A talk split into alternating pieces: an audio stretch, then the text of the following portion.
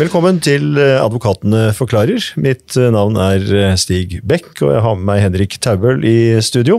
Vi har nå hatt en utvikling over tid med co-living, co-owning. Vi har tredje boligsektor-varianter som leie til eie og deleie. Og så blir litt spørsmålet er jussen rett og slett for gammeldags. På næringssiden så endrer man kontraktene med et par års mellomrom, men dette er jo forbrukerjuss. Og er jussen blitt en tvangstrøye, Henrik? Det er jo et godt spørsmål, og jussen har jo en iboende treghet i seg eh, når det kommer til eh, hvordan det er å ta imot ny innovasjon og nye regler. Og Vi ender jo ofte opp i en sånn diskusjon hvor man ser på regelsett som er skrevet for 20-30 år siden, eh, eh, og så tenker man hva ville disse personene ment om dette nye konseptet dersom dette hadde eksistert den gangen?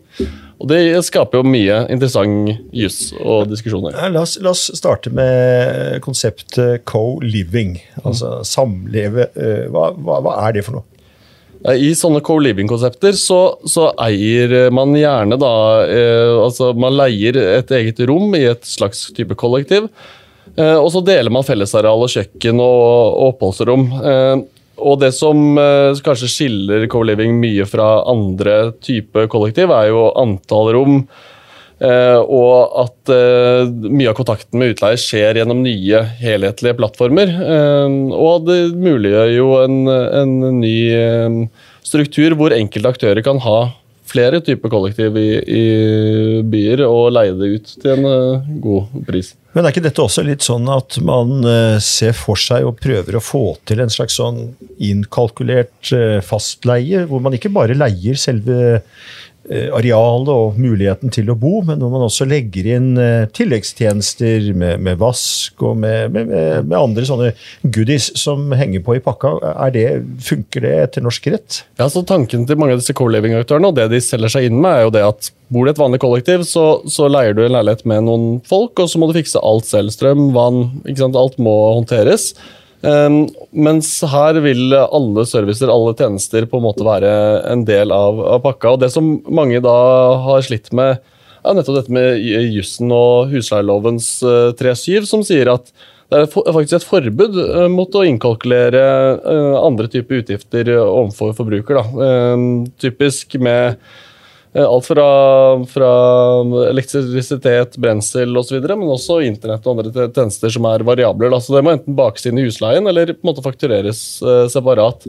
Så bare det sånn husleielovens 3-7 har vært uh, skrevet, så har det jo vært en del diskusjoner om hvordan man skal sette opp vederlaget når tjenesten ja, reelt sett inneholder mye mer enn husleien. Men hvis vi, hvis vi, trekker det litt videre inn i de hva skal vi si, mer offentlig-rettslige rammene, inn i, i, regulering, i formål som er definert for enheten i henhold til tillatelser som, som, foreligger, eh, er det også, eller kan det også være utfordrende ved denne type samliv?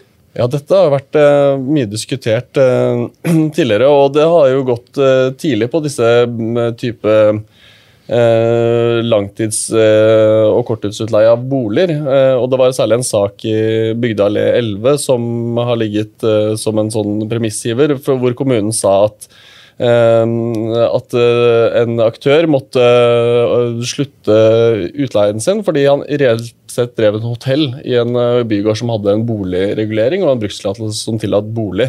Og Dette var jo noe naboene da mm, påpekte. Og I en, eh, et forsøk på å komme til kompromiss her, så, så sa, uttalte Oslo kommune at eh, en eh, altså utleie under tre måneder må regnes som en hotelldrift, og dermed faller utenfor brukstillatelse og reguleringsformål bolig. Er det over tre måneder, så var det bolig. Altså, dette er jo ikke basert på noen eh, voldsomt tunge rettskilder, eh, men har blitt på en måte lagt til grunn eh, senere for en del brukere. En praktisk tilpasning. Det, og, det jo, ja, og, det gjør jo, at en del av disse core-living-aktørene da legger inn nettopp tre måneders oppsigelse, eller lengre. Men nå er vi jo innom litt den der offentlige rammen rundt uh, disse konseptene. Jeg vil anta at dette også har sine sider til moms, f.eks.?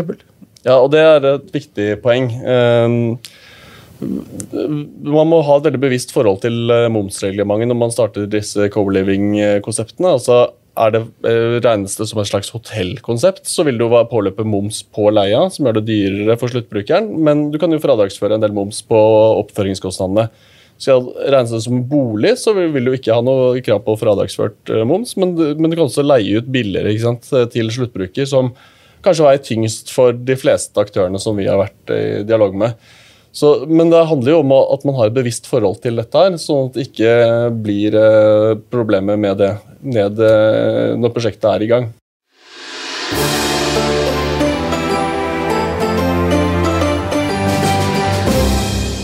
Et annet uh, ord jeg har fått med meg, og som vel er mer eller mindre nytt i norsk uh, språk, det er hyblifisering. Og det å lage flere enheter innenfor en annen enhet. Er, uh, er det en utfordring i vår sammenheng? Dette har vært et spørsmål flere klienter har vært, kommet, tatt opp, og som vi har diskutert mye. Og, og det handler jo om Dersom du etablere flere, flere, rom, egentlig, flere soverom og andre ting, er det da en bruksendring eh, etter, eh, i plan- og bygningsrettslig forstand. Og dette er jo inn i denne diskusjonen som har vært om hyblifisering.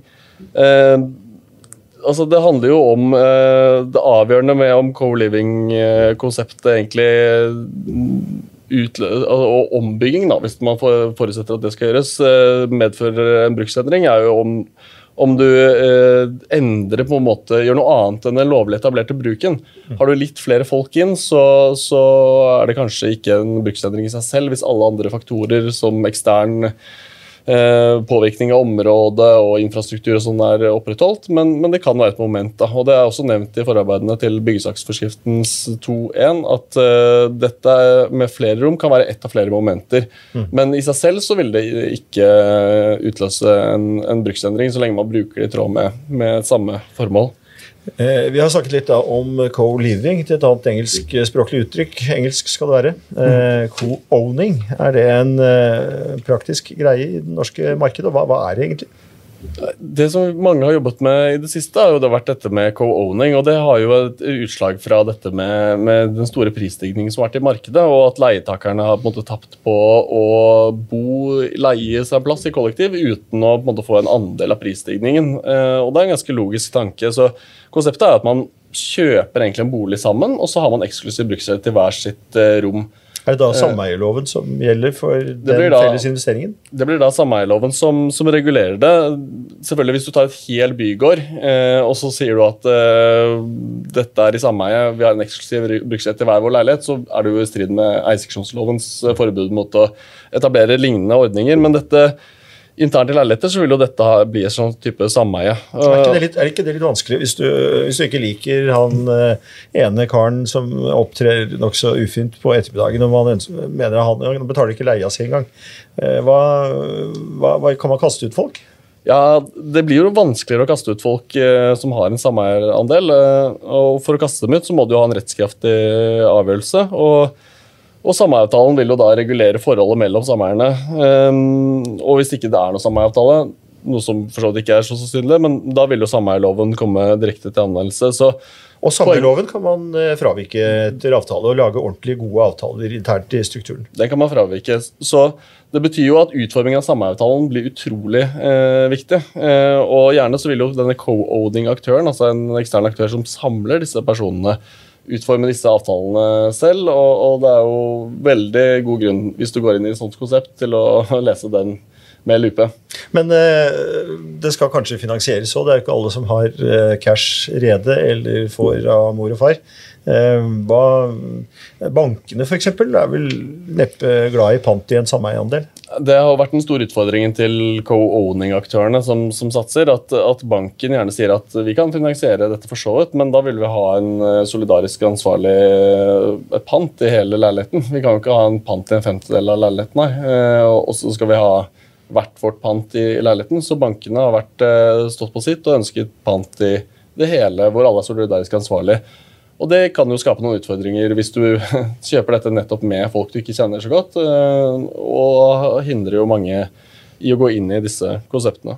Hvis, er, hvis, du, hvis, man ser for seg at man skal jobbe litt med å etablere slike ting Dette er jo også en, en mulig forretningsidé å gå tungt inn i co-owning i, i, Norge. Kunne man eh, er det, eller, eller, er det noen utfordringer der i forhold til uh, mellommannsretten, eiendomsmeglingsloven, sånne ting? Kan hvem som helst uh, drive med dette? Ja, det er, det er grunn til å tenke over eh, dette. Altså, det er lov til å formidle kontakt mellom ulike parter, så lenge man ikke måtte gjøre noe mer og, og opptrer som en, som en megler. Men, men, den som lager selve konseptet, må jo være bevisst på at, uh, at uh, de ikke må megle andeler. Gjøre hele dealen være med i alle ledd av prosessen. Da kan man fort ende inn i et tilfelle hvor du trenger en eh, eiendomsmeglerkonsesjon. Og det kan man selvfølgelig få, men, men, eh, men, eh, det er jo viktig å ha tenkt om over dette her i forkant. Og det er noe som Finanstilsynet nok er opptatt av.